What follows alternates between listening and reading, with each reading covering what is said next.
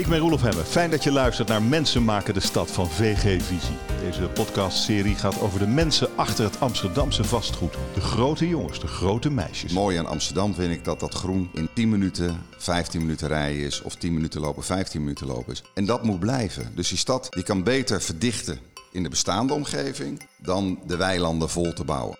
Henk Brouwer is bij me. Hij is de CEO van Brevast voor 3 miljard aan vastgoed onder beheer. Niet alleen in Amsterdam, maar ook elders in Europa en in de Verenigde Staten. Henk, welkom. Fijn dat je er bent. Goedemiddag. Uh, jij vaart graag over de Amsterdamse grachten. En de meeste normale mensen zouden zichzelf dan met een glaasje Prosecco in de hand presenteren aan het volk op de kade. Jij niet. Jij haalt plastic uit de grachten. Vertel. Nou, ten eerste, ik vaar uiteraard ook door de grachten omdat ik het heel leuk vind. En de stad kan je het mooist zien uh, vanaf het water. Het water is gewoon in Amsterdam is uniek.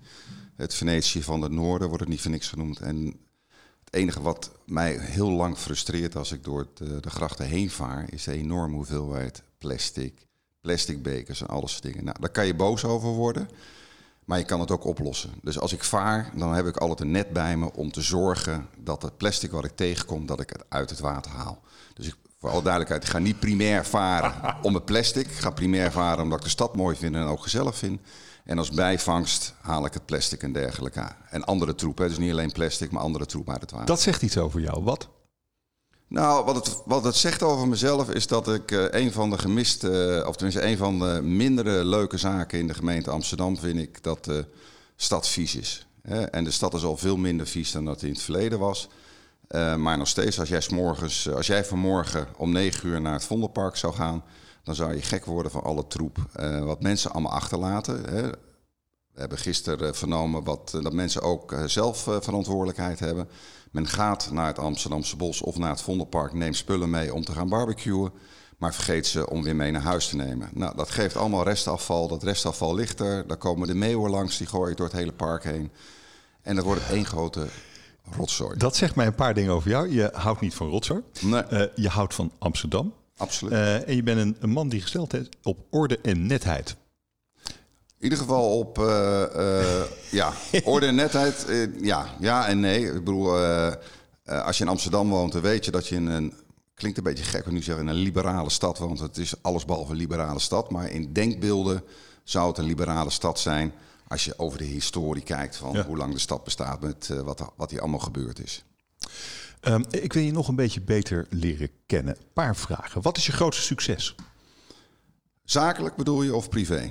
Laten we kijken naar zakelijk eerst. Zakelijk.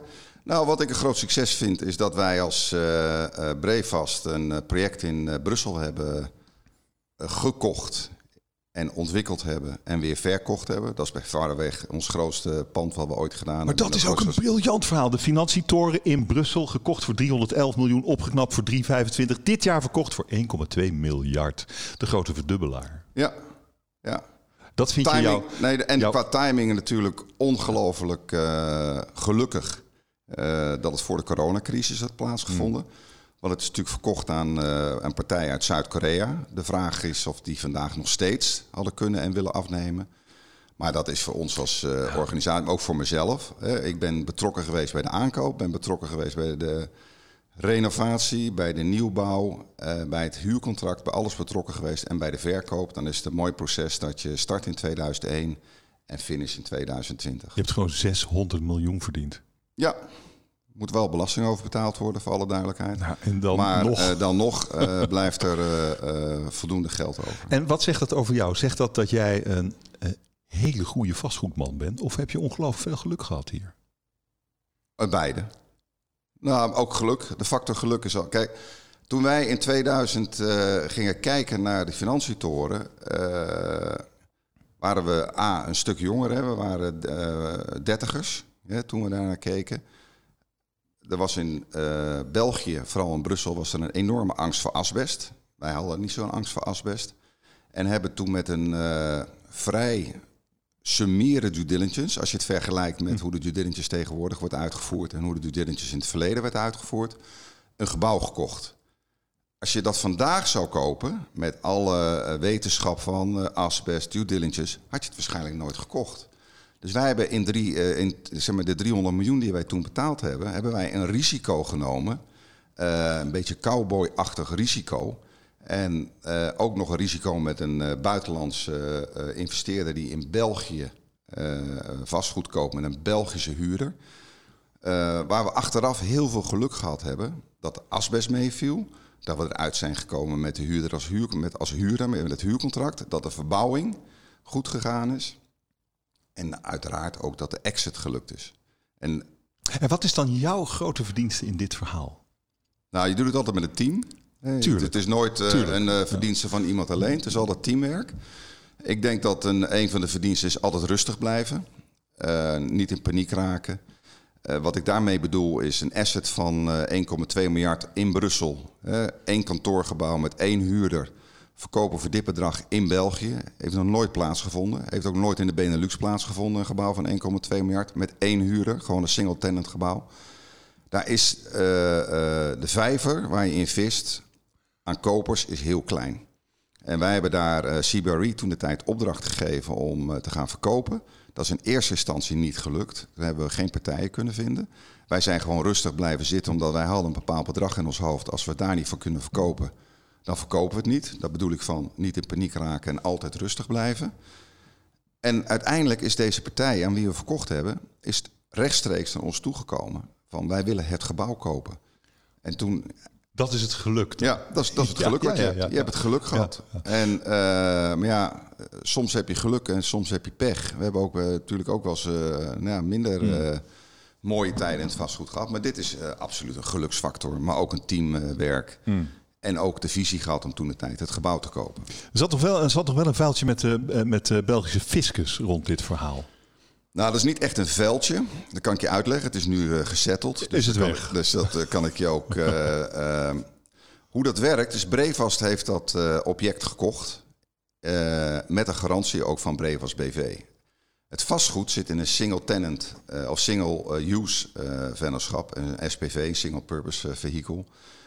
En de Belgische banken, ik zat even te twijfelen, de Belgische banken, die wilden toen de tijd een borgstelling hebben van de Nederlandse moeder, Brevas BV. Hetzelfde wilde de huurder hebben. De huurder wilde van de verhuurder, maar ook van de eigenaar van de verhuurder, een garantie hebben dat mocht er om wat voor reden ook de financietoren NV niet aan zijn verplichtingen voldoen, dat dan Brevas BV garant stond voor die verplichtingen. Voor die uh, garantstelling uh, brachten wij een fee in rekening. De hoogte van de fee en überhaupt de fee, dat was het dispuut wat wij hadden met de fiscus daar. Oké. En dat is uiteindelijk, zeg maar even, wij wilden daar een fee voor hebben van 1%. De Belastingdiensten in België wilden uh, 0%. En dat hebben we nu gezetteld op 0,52% of iets dergelijks. Oké, heel, dus, klein, heel klein beetje toegegeven. Nou, ja, de nou, helft bijna ja. toegeven. Nou, okay, maar... Een ander belangrijk ding is dat alle boetes weg zijn. In België krijg je heel snel hoge boetes en die boetes zijn allemaal weg. Dat is nog nou belangrijker. uh, gewoon uh, water, on, water, under the bridge. Oké. Okay. Uh, en wat is je grootste fuck-up? Nou, dat het niet gelukt is om de Mesdag Delta portefeuille, die we uiteindelijk aan Highbroek verkocht hebben twee jaar geleden. Of ja, twee jaar geleden, Marcel, volgens mij. Ja, twee jaar geleden. Om dat niet zelf op te lossen. Uh, wij uh, hadden dat gewoon met de bestaande financiers. Wat was die portefeuille? Nou, wij hadden uh, als een portefeuille, die hebben we in 2007 gesecuriseerd met een CMBS. Er zat een looptijd op van een lening van 10 jaar. vrij hoog gefinancierd in die jaren. dat betekent dus dat de waarde van het vastgoed onder water stond ten opzichte van de lening. Dat betekent eigenlijk dat je beter de sleutels kan teruggeven. Toen zijn de notes van de lening zijn verkocht aan venture capitalist en private equity en, en banken. Wij hadden dat moeten oplossen om met hen tot een oplossing te kunnen komen om gezamenlijk die portefeuille uh, nou ja, weer boven water te krijgen. Mm. En door een beetje halstarrig beleid van onszelf is dat uh, uh, gedeeltelijk gelukt.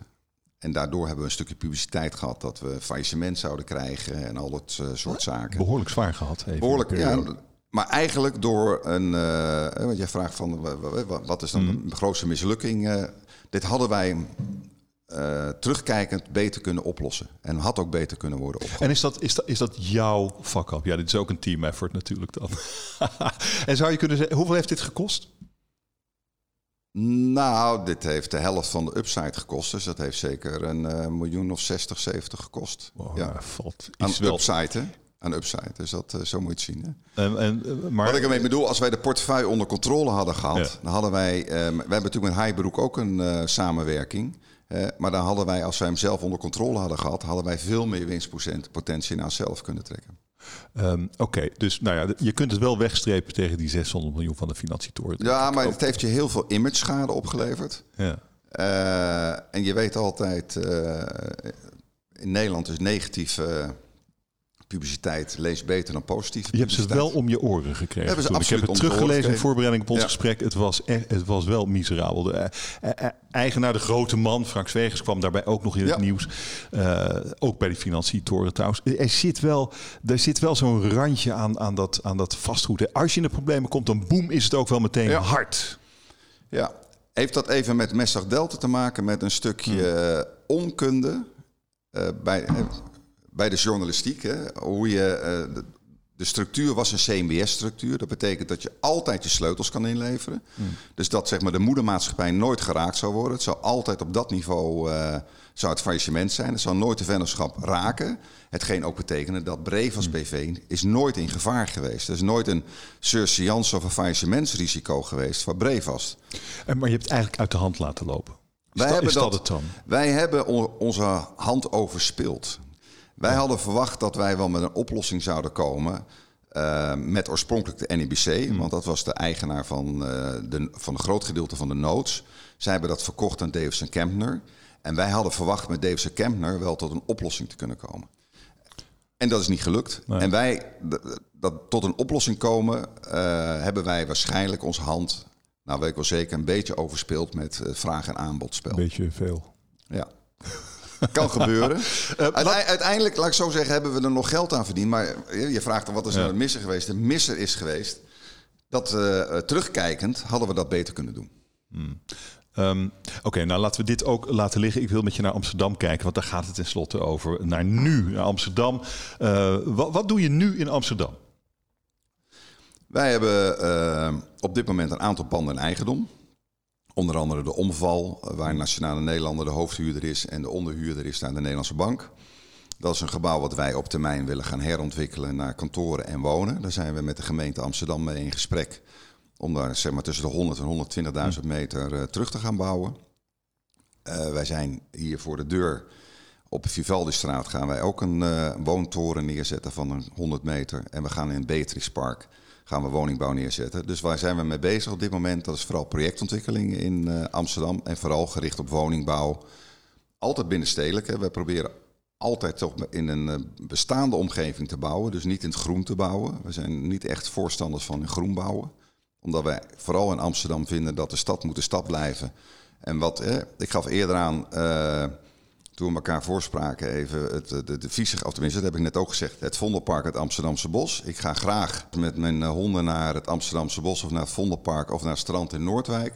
Het mooie aan Amsterdam vind ik dat dat groen in ja. 10 minuten, 15 minuten rijden is, of 10 minuten lopen, 15 minuten lopen is.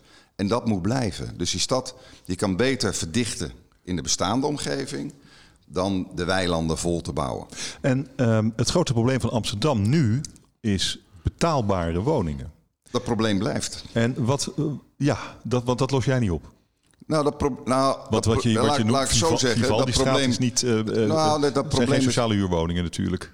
Daar zit ook een stuk sociaal bij, Echt absoluut. In, bij de omval, uh, daar komt een stuk sociale woningbouw. Uh, en daar is die sociale woningbouw ook best rendabel te krijgen, omdat wij zijn eigenaar van de grond. Oké, okay, maar dit is het grote probleem. Dus, dus betaalbare woningen, toch? Ja.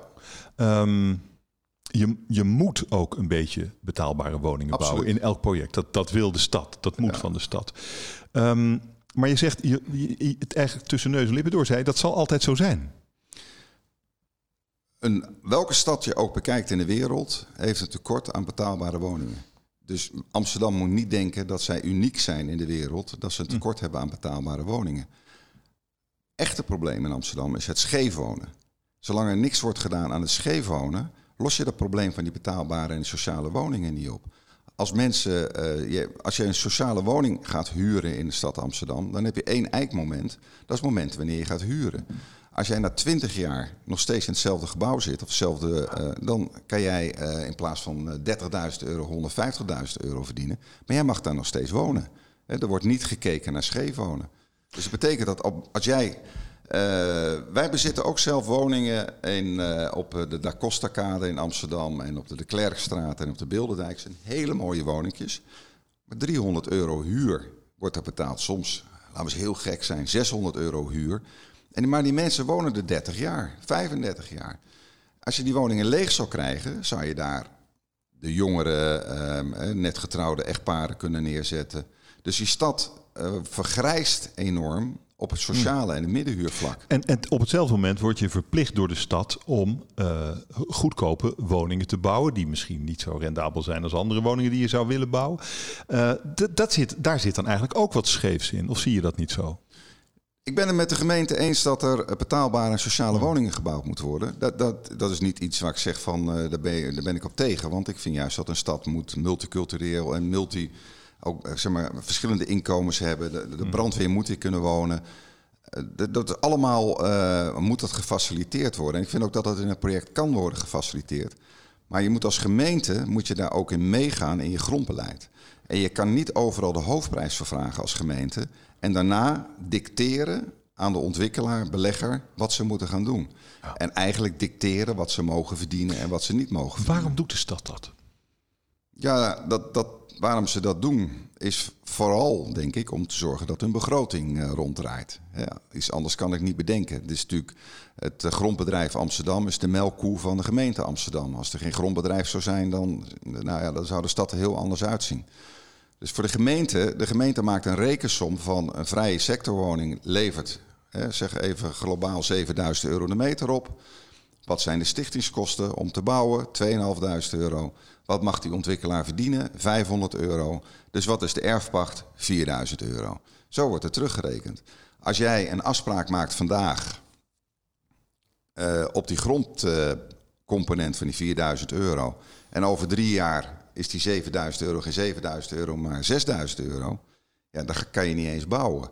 Dus het, het, grote, de grote handicap die je houdt in de gemeente Amsterdam met die 40-40-20 is ook het grondbeleid wat de gemeente heeft. Je hebt er veel meer aan om dat hele rigide 40-40-20 los te laten en gewoon als een vlek, als één vlek naar de hm. stad te kijken. Waar heb ik te veel sociale woningbouw? Waar heb ik te weinig sociale woningbouw? Waar wil ik graag middenhuur hebben? Waar wil ik niet graag middenhuur hebben? Wil iemand uh, überhaupt uit de sociale omgeving op de Zuidas wonen? Wil een middenhuurder op de Zuidas wonen? Of willen daar juist alleen maar mensen wonen uh, die hier werken en uh, andere eisen stellen? Je moet gewoon, de stad moet beter kijken hmm. in het vlekkenplan wat ze willen hebben. En dat 40, 40, 20, daar moeten ze veel minder uh, rigide doen. En nog veel belangrijker wat je gaat krijgen, door de 40-40-20 beleid krijg je echt hele kleine woningjes. Je krijgt sociale woningen van 40 vierkante meter en middenhuurwoningen van 50 vierkante meter.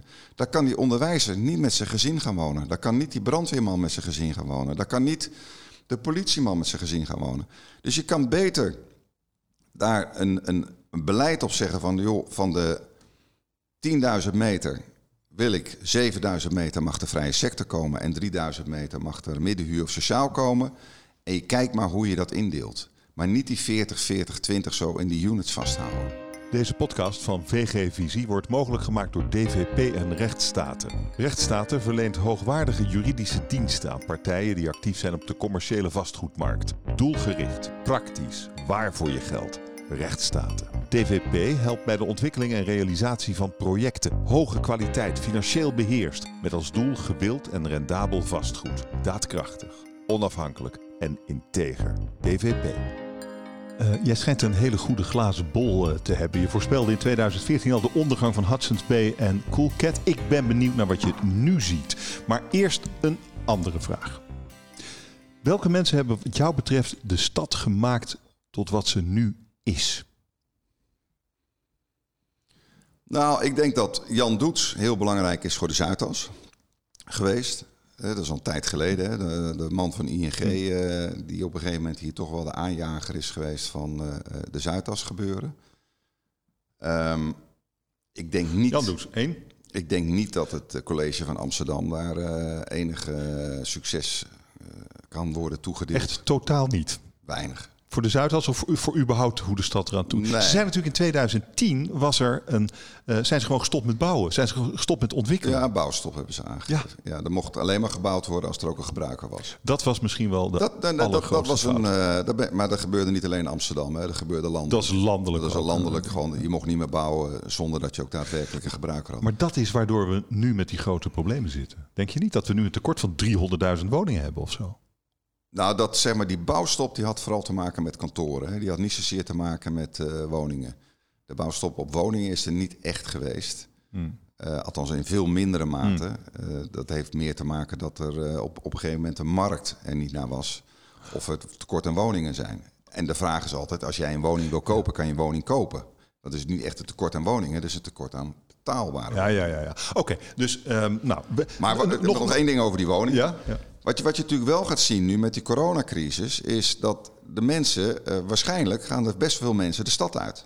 Ik verwacht, hè, zeg maar, die coronacrisis, dat een hoop mensen die uh, drie maanden op een uh, kamertje hebben gezeten, of op, die, op die 50 vierkante meter waar we het net over hadden, met twee kindjes, die zo nog zelf les moesten geven, dat die mensen nog eens een keer gaan nadenken van, is het misschien toch niet handiger dat wij gaan wonen in Diemen, Naarden, Almere, uh, Purmerend, hmm. uh, neem het, een aantal steden buiten Amsterdam. En dat je beter openbaar vervoer regelt nog. Dat is natuurlijk ook weer gevaarlijk vandaag, openbaar vervoer, maar op termijn. Ik, ik verwacht niet dat die stad zo gaat groeien. met, zeg maar, als je vergelijkt met wat, wat de stad denkt, wat die gaat groeien. Ik denk dat die groei van het aantal woningen best wel mee gaat vallen. Ja, ja. Dat, dat ook, daar moeten we even op terugkomen. Ik wil eigenlijk nog iemand horen die van jou, voor, in jouw ogen van groot belang voor de stad is geweest. Nou, ik, als we dan even uh, voor de gemeente, ik vind Van der Laan, hè, we hebben het dan, ik zei net, niemand van de overheid, Van der Laan is wel positief. Burgemeester Van der Laan, overleden Die was, stond altijd open. Uh, ik kan nog één ding, uh, we hebben, wij hebben WeWork ooit, dat is gevaarlijk om te zeggen nu tegenwoordig met WeWork, maar toen WeWork net begon in 2010... Toen hebben wij WeWork met Adam Neumann, die hebben wij naar Amsterdam gebracht. Maar die hebben we ook op een gegeven moment geïntroduceerd bij de gemeente Amsterdam. Toen Van der Laan naar New York ging en een aantal potentiële gebruikers voor de stad Amsterdam wilde ontmoeten. En daar staat hij dan volledig open. En met Adam Neumann hebben wij toen een gesprek gehad samen met Van der Laan. En dat was een zeer plezierig gesprek. En hij zijn enthousiasme van de stad. Adam Neumann is ook een hele enthousiaste man. Die kan zijn hele kibbutz-verhaal kan hij geweldig vertellen hoe hij dat zag met WeWork. Maar ook Van der Laan kon dat overbrengen, waardoor zeg maar WeWork die zat van nou oké, wij beginnen in Amsterdam in Europa. Wij hadden ze al min hm. of meer en dat, dat, dat tikje, dat gaf, dat duwtje, dat, dat, gaf... Dat was Van der Laan. Zie, zie, je, zie je mevrouw Halsema dat ook doen? Ik uh, ken mevrouw Halsema persoonlijk niet, dus ik kan er geen uh, oordeel over geven. ik zie je het wethouder Evans doen?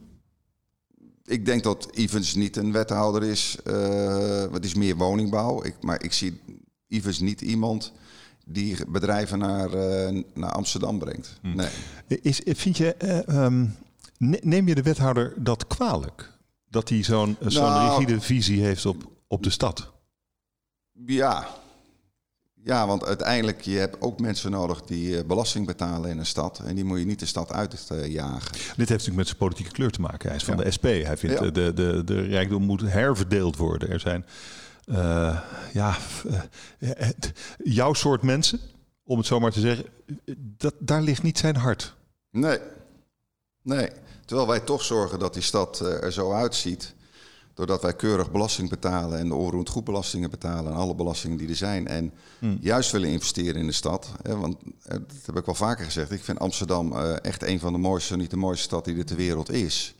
En ik heb toch heel wat steden in mijn leven gezien, maar ik ben altijd weer blij als ik in die blauwe vogel eh, naar huis mag vliegen en weer in Amsterdam land.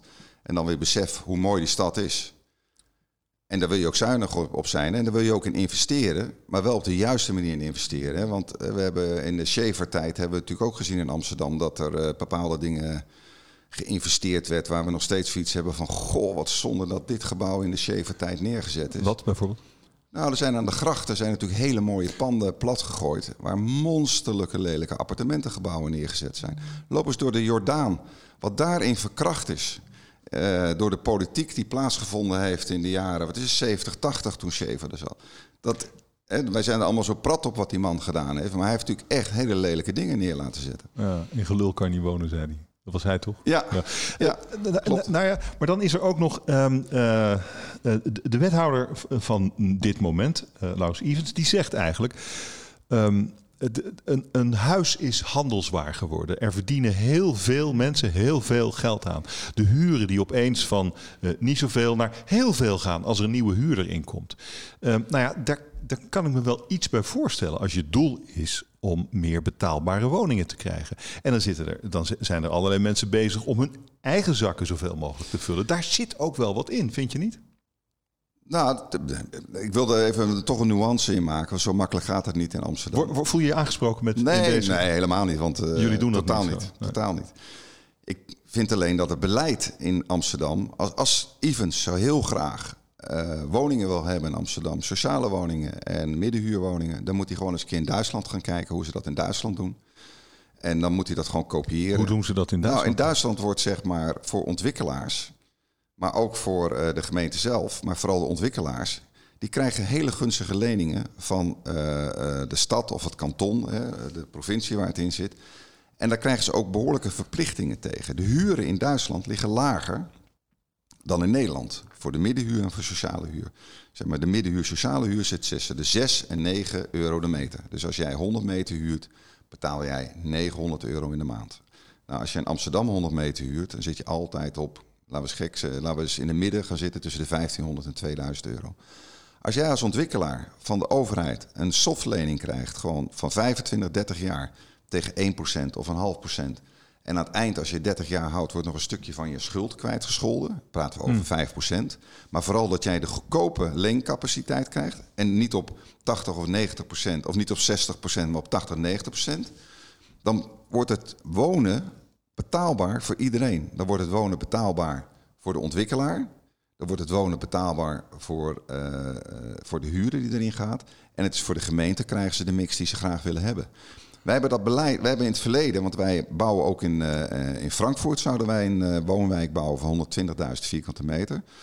Wij hebben daar gezien hoe de stad Frankfurt daarin meewerkt om daar betaalbare woningen te krijgen. En dat hebben wij ooit een keer ook bij de gemeente Amsterdam geopperd. En dan krijg je de opmerking, nou, dan kunnen we het net zo goed ook zelf doen. Maar dat is een net het probleem. Ze kunnen het niet zelf. Ja, of doe het dan zelf. Dat ook. Hè? Maar dan, eh, eh, de, of, of ze komen met het verhaal van... ja, maar dat is... eh, hoe noemen ze dat ook weer? Dat, dat is overheids... oneigenlijk gebruik van overheidssteun of iets... eh, maar waarom kan het wel in Duitsland? Hè? En je ziet in Berlijn gaan ze al staken. Of tenminste staken worden er al betogingen gehouden... als de huur naar eh, 19 eh, euro de meter gaat. Dan zeggen ze woekerhuren. Terwijl in Amsterdam zit die huur gewoon tussen de 15 en 20 euro de meter. En Dus- eigenlijk is dus dat even terug naar van, van, Evans, van, hè, van de eh, overheid. Nou, nee. Ja. Nou, Nou ja, dat zei je Kijk. Frankfurt is ook een groene gemeente. Die is, die is nog groener bij wijze van spreken dan, eh, eh, dan Amsterdam. En waarom kan het daar wel? En je moet niet vergeten, de overheid kan heel goedkoop lenen bij Bank Nederlandse Gemeenten. Waarom zetten ze dat orgaan niet in? We lezen overal dat er woningnood is. Er moet gebouwd worden in Utrecht, er moet gebouwd worden in Den Haag. En we hebben tekort aan middenhuur, we hebben tekort aan sociale huur. Waarom maak je niet een, een, een, een grondbank of een bank die goedkope leningen geeft, met genoeg zekerheid voor de mensen, met verplichtingen erin dat die woningen 25 tot 30 jaar op dat gebied gebruikt worden. En dan los je het probleem op. Laten we eens naar die glazen bol van jou gaan. Want eh, ik weet niet of dit plannetje, of je dat ziet gebeuren. Ik denk het niet. Ehm, Ik vrees het niet. Ik hoop het wel. Wat zie, je wel, wat zie je wel gebeuren? Je had het net over corona. Eh, wat, Nou, wat biedt ik- corona voor, voor, voor kansen? Of wat gaat er kapot aan corona? Nou, er gaat heel veel kapot aan corona. Dat, wat zie je eh, gebeuren? Want jij bent van de cijfers. Jij kan goed rekenen. Ik kan redelijk rekenen, maar dat kunnen heel veel mensen. Je hebt tegenwoordig goede rekenmachines. Maar er zit een stukje... Kijk, met Hudson Bay, eh, terugkijkend... Ja, daar had je niet voor hoeven eh, studeren om te zien dat dat een mislukking ging worden. Want betaalden veel te veel en zouden veel te Nee, weinig klanten krijgen. Wat, wat zag je Kijk, dan? als, eh, als een huurder dusdanige eisen stelt aan een verhuurder... eh, dan betekent het eigenlijk dat hij zelf het geld niet heeft om te gaan investeren in de komende tien jaar in een normaal warenhuis. Als je dan kijkt, wij, wij zijn eigenaar geweest van Magna Plaza in, eh, in Amsterdam. Dat wilden wij een heel luxe warenhuis van maken. Dat lukt ons niet, omdat Selfridge, de eigenaar van de Bijenkorf, gewoon allemaal claims heeft bij de betere merken. Van je mag niet binnen zoveel uh, meter, mag jij dat merk nog een keer gaan verkopen. Dus het lukt ons niet om de duurdere merken binnen te krijgen. Als dan een Hudson B denkt, wij gaan 400 meter van de Bijenkorf, gaan wij daar een, uh, onze grootste pilot store maken. En daar gaan we alle grote merken naartoe brengen. Dat kan je vergeten. Die kreeg ze niet binnen. En wat zie je als je, dat, als je, als je nu kijkt wat er om je heen gebeurt door corona? Wat, wat is dat? Doe eens een voorspelling voor de komende jaren. Nou, ik zie eh, retailland zie ik niet verbeteren. Maar dat, ik ben altijd wel wat negatief. Er blijven wel retailers over. Hè, laten we dat niet vergeten. Er blijft altijd wel een stukje high street shopping over. De mensen gaan altijd nog wel blijven winkelen. Maar wij hebben gewoon veel te veel modewinkels. Het is niet voor niks dat de mode wordt uh, aangepakt. Ik, ik, verwacht zeker dat 30 tot 40 procent van de modewinkels die over vijf jaar, die zijn er niet meer. Oké, ehm, over vijf jaar. Uh, die hebben we genoteerd. Um, en als je dan kijkt naar horeca bijvoorbeeld. Kijk, het, het positieve voor de horeca is dat... Uh, ik, ik geloof enorm in een omgeving hè, waar je woont, waar je uh, werkt... waar je sociaal actief kan zijn, waar je kan sporten... dat het allemaal bij elkaar moet zijn. Hè, dat dat hmm. alles moet bij elkaar zijn. En uh, dus, dus ik geloof in dat urban gebeuren van... ik, ik hoef niet naar buiten te gaan, het zit allemaal in de stad. Daar heb je horeca voor nodig. Ik verwacht ook dat, zeg maar, dat coronavirus, dat het over een jaar, dat we dan wel een vaccin hebben of dat het opgelost is. Dan verwacht ik ook alweer dat er een nieuw virus gaat komen.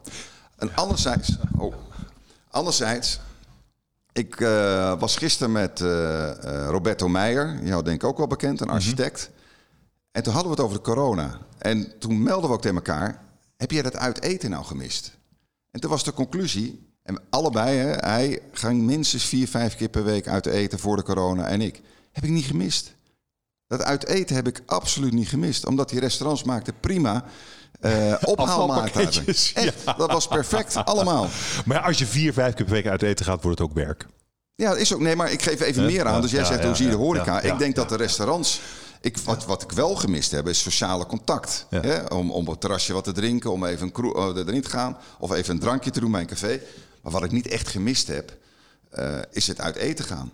Ga ik in de toekomst uit eten? Absoluut ga ik in de toekomst uit eten. Wordt dat minder? Ja, dat wordt minder. Hm. Dus ik denk dat de restaurants in Amsterdam het overal uh, niet makkelijk gaan krijgen. Uh, en in de um, uh, de woningen. Je, je, zei al, je voorspelt eigenlijk ook uh, de jonge mensen die nu in de stad deze corona-ellende hebben meegemaakt op een mini appartementjes, die gaan naar buiten. Ja. Maar zou er niet ook een nieuwe trend kunnen ontstaan in de stad, in het bouwen? wat meer ruimte. Dat je thuis werkt, bijvoorbeeld. En dat dat ook echt kan. Dat je dan niet tussen de strijkplank en de wieg zit. Wat, wat is jouw oplossing voor dat probleem? Nou, wat ik bijzonder vind is natuurlijk dat eh, de Arbo-wetgeving zeer rigide is in uh, Nederland. Je moet uh, binnen 4, 5 meter van een buitenraam zitten. En een, een, een, raam waar gewoon een raam zit mag niet, want dat is geen buitenraam. Maar meneer Rutte, en daar heeft hij gelijk in gehad, die vindt dat iedereen tot 1 september moet hij thuiswerken. Maar arbotechnisch wordt het natuurlijk een drama. Ik zeg nog niet dat uh, mensen in een cv-hok zitten, maar ik heb uh, teamsvergaderingen gehad en uh, Zoom-vergaderingen. En dan zie je die mensen op de video en dan heb je zoiets van, in wat voor hok zitten die nou? Betaal je ze dan wel genoeg? Nou, wij betalen ze voldoende, maar het waren ook vaak dat ik met ambtenaren of oh, ja, ja. die betaal ik niet. Maar dat je met mensen zat te kijken van, die ruimte is helemaal dicht, er zit geen glas in. Dus men, men zat inderdaad in kleine, niet arbo-geschikte ruimtes. kan je dat oplossen? Dat kan je oplossen door. Uh, ik, even voor de duidelijkheid, ik ben geen voorstander van 100% thuiswerken. Nee, dat, uh, even heel, uh, heel duidelijk. Verschrikkelijk was het. Ik denk dat het om het, zeg maar, de traffic en dergelijke beter in lijn te brengen, zou het goed zijn als mensen één tot anderhalve dag in de week thuis zouden werken. He, dus dat je het op 20% doet, hm. goed gecoördineerd. Maar voor de rest heb je om inspiratie en dergelijke op te doen, moet je naar kantoor. Maar dan moeten al die woningen die jij hier gaat realiseren nog, die moeten allemaal een mooi kantoor hebben. Is dat, is dat, is dat een plan? is, dat iets waar, nou, is dat een gedachte waar je mee speelt? waar wij nu naar kijken is dat je naar working lofts uh, gaat creëren. Waar je zegt, nou, een woonruimte maakt, maar met een klein kantoortje erbij. En een klein kantoortje, dat kan voor iemand alleen zijn, maar ook voor drie, vier personen erbij. En dat je meer loftachtige woningen gaat maken. Um, de, de vraag is even, of je als werkgever Of, of jij wil dat iedereen altijd thuis werkt. Hè? We hebben Zuckerberg gezien uh, bij Google dat hij overal in de wereld gaat die mensen gewoon online uh, uh, aannemen. En heeft, ze hoeven niet meer naar kantoor te komen. Dat gaat hem veel geld schelen. Als ik vanmorgen kijk, toen ik wederom naar het Amsterdamse bos ging om even de hond uit te laten. En dat was dit keer wat later dan normaal om half negen hoeveel mensen ik met een korte broek hun kinderen naar school zie brengen. Dan denk ik bij mezelf van, nou, ik ben heel benieuwd hoe er vandaag thuis gewerkt wordt. En met dat mooie weer. Dus, en, oh, je vertrouwt de werknemers niet, eigenlijk. Nou, dat is on. En daar ben, ik helemaal met je eens. Dat is een stuk. Ik zeg niet. Ik zeg bij ons uiteraard doen ze het wel netjes. Nee, maar, misschien waren ze wel om zes uur opgestaan. Om te gaan werken. Zou zomaar ja, kunnen. Zou zomaar okay, kunnen. Maar, maar, nee, maar, ik, maar zou, zou er in de woningbouw iets moeten veranderen? om dit te kunnen opvangen? Want je zegt zelf misschien wel zeer terecht, er komt vast wel weer een virus aan. Nee, je, je, moet, nou, kan je, kan je het opvangen? Het is moeilijk op te vangen. Hè?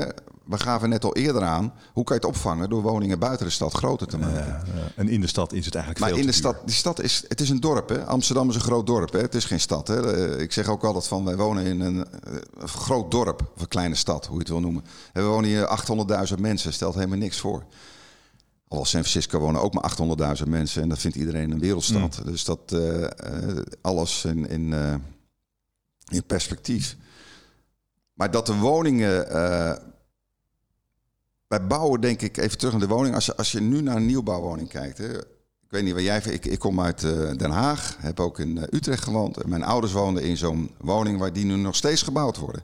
En ik ben toch ook al 58. Dan kwam je in die woning binnen. Wist je als je de deur open ging, dan ging je naar rechts in die woonkamer. Liep je door naar achter, was de keuken. Ging je de trap omhoog, dan waren er eh, twee of drie slaapkamers. één badkamer en nog een zolderkamer. Daar konden mensen dan nog een uh, woonkamer in maken. Ga je vandaag een, uh, in een nieuwbouwwijk binnen. Ga je die voordeur in. Heb je rechts die woonkamer. Heb je achter die keuken. Ga je die trap op. Heb je drie uh, slaapkamers met een keukentje en boven die dak. Wij zijn totaal niet innovatief geweest. In die hele woningbouw zijn we niet innovatief geweest.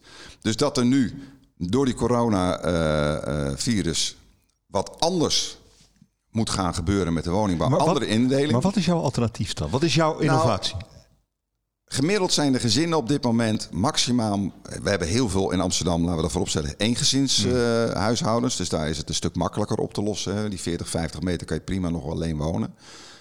Maar uh, als mensen gezinnen hebben, dan moet je meer functionele woningen gaan bouwen. Dat betekent dus dat, dat je in ieder geval die zolderkamer waar we net over hebben, hm. dat je die dan op een andere manier gaat opofferen. Hè, dat, dat daar misschien een, een kantoor in maakt. Hè. We hebben net over die loftwoningen gehad. Je, je, moet, je moet anders denken dan twee begane grond, eerste verdiep schuin uh, kapje. Of een plat uh, dakje. Je, er, er moeten andere type woningen neergezet worden. In appartementen zie je dat natuurlijk ook al vaker. Dat er een hele grote woonkamer hmm. is. één grote slaapkamer en een kleine slaapkamer. Omdat mensen nou maximaal één, twee kinderen hebben. En daar kunnen ze prima wonen. Uh, jij bent nou al uh, 30 jaar of langer actief in, in het vastgoed in Amsterdam ook. Ja. Uh, als jij daar straks mee stopt, en ik geef je nog heel veel mooie jaren. Maar als je er straks mee stopt, wat, wat heb jij de stad dan nagelaten? Nou, dan hoop ik dat wij, eh, dus moet ik nog even doorgaan. Dan hoop ik dat wij van een omvalgebied echt iets moois gemaakt hebben. Dat hoop ik echt. Dan hoop ik ook dat wij in Beatrix Park uh, appartementen neergezet hebben. Dat mensen zeggen van, goh, ja, dat is nou echt... je woont in de stad, maar je woont ook gelijk in de natuur. dus dat, dat, dat, je, dat, nou, dat je een nou ja, een, een, point maakt dat gewoon mensen zoiets hebben van, nou, dat is inderdaad heel knap gedaan. Oké, okay. dus het gaat eigenlijk, eigenlijk gaat het niet om geld. Eigenlijk gaat het om toch een soort van geluk dat je andere mensen geeft.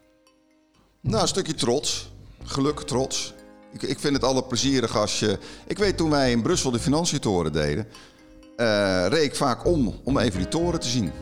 Dat ik toch bij mezelf dacht van, nou, hebben we het toch gedaan. Dus dat is uh, uh, ja, ook een stukje trots. En nu rijden denk ik wel een paar rondjes omheen. Ik ben daarna niet meer in Brussel geweest. dus, Henk Brouw, nee. dank je zeer voor dit gesprek. Dank je wel. Graag gedaan. Je luisterde naar de podcast Mensen maken de stad over Amsterdam. Een productie van VG Visie, mede mogelijk gemaakt door Rechtsstaten en DVP. Er zijn nog meer afleveringen, ga die vooral even luisteren. Je vindt ze op vgvisie.nl.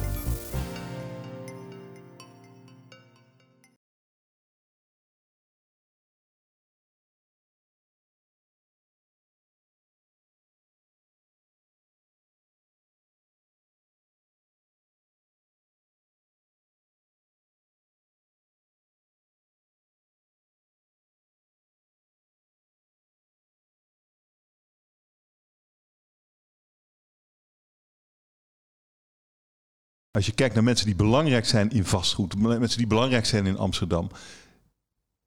Wie zou je dan noemen? Ja, je vraagt Amsterdam.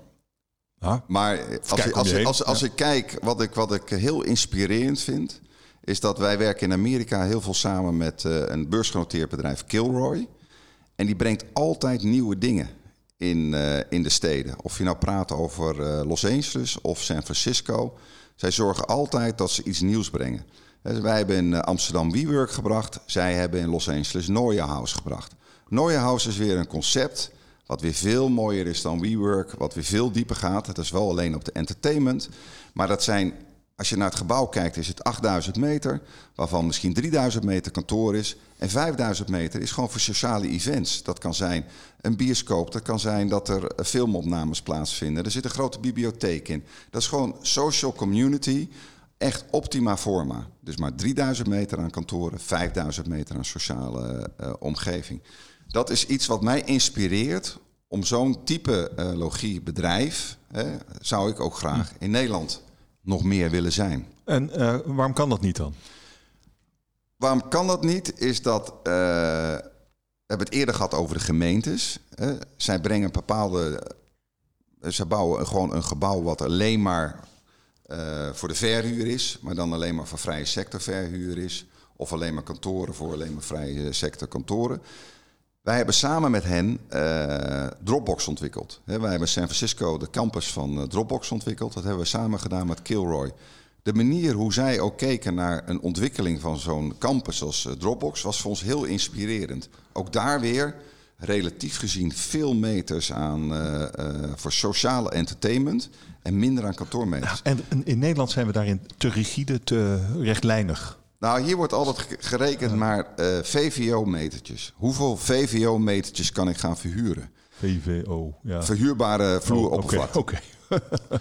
Dat impliceert ook, als jij heel veel sociaal erin brengt, dat mensen gaan zeggen, ja, maar daar ga ik niet voor betalen. In Amerika is dat anders. Kijk, daar liggen de huren ook. San Francisco ligt de huur op 1000 dollar de meter. Dus dat ligt ook iets hoger dan uh, in Amsterdam. Maar men, men, kijkt niet naar hoeveel meter ik gebruik. Nee, men zet de werknemers relatief gezien veel dichter op elkaar nog dan in Nederland.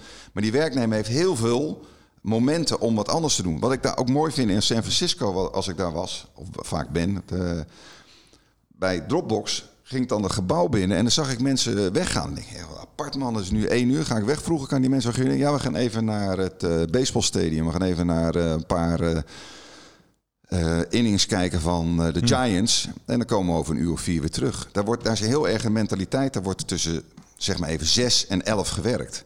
En het maakt niet uit wanneer je uren maakt. Maar tussen zes en elf maak je acht of negen uur. En men gaat, als het mooi weer is, dan gaan ze even weg tussen twaalf en drie. En dan komen ze om half vier weer terug. En dan moet het wel leuk zijn in de omgeving. Maar dan moet dat het leuk wat, zijn. Dat is wat je dan moet het leuk zijn. Ja. Precies. Okay. En dat doet Kilroy ongelooflijk goed. En dat, dat gevoel zou hier ook veel meer. Kijk, wat we wel geleerd hebben van even de corona, is dat het kantoortje. Dat moet veel meer worden dan alleen maar het achter de bureau zitten. Dat moet een sociale beleving veel meer gaan worden. Hoezo heeft corona je dat geleerd? Omdat de mensen thuis moesten zitten. Ja, ja, ja, ja. ja, ja. Dat bedoel ik ermee. De, men, heeft het, men vindt dat men het kantoor minder nodig heeft. Dus jouw, jouw oplossing is: maak het kantoor leuker. Socialer, leuker. Ja, want anders is er straks wil, wil niks meer te ontwikkelen. Nou ja, ja. nou ja, dan, dan gaan we wel wat anders doen. He, dat, uh, er zijn meer dingen in het leven mm. dan onroerend goed. He, dat, uh,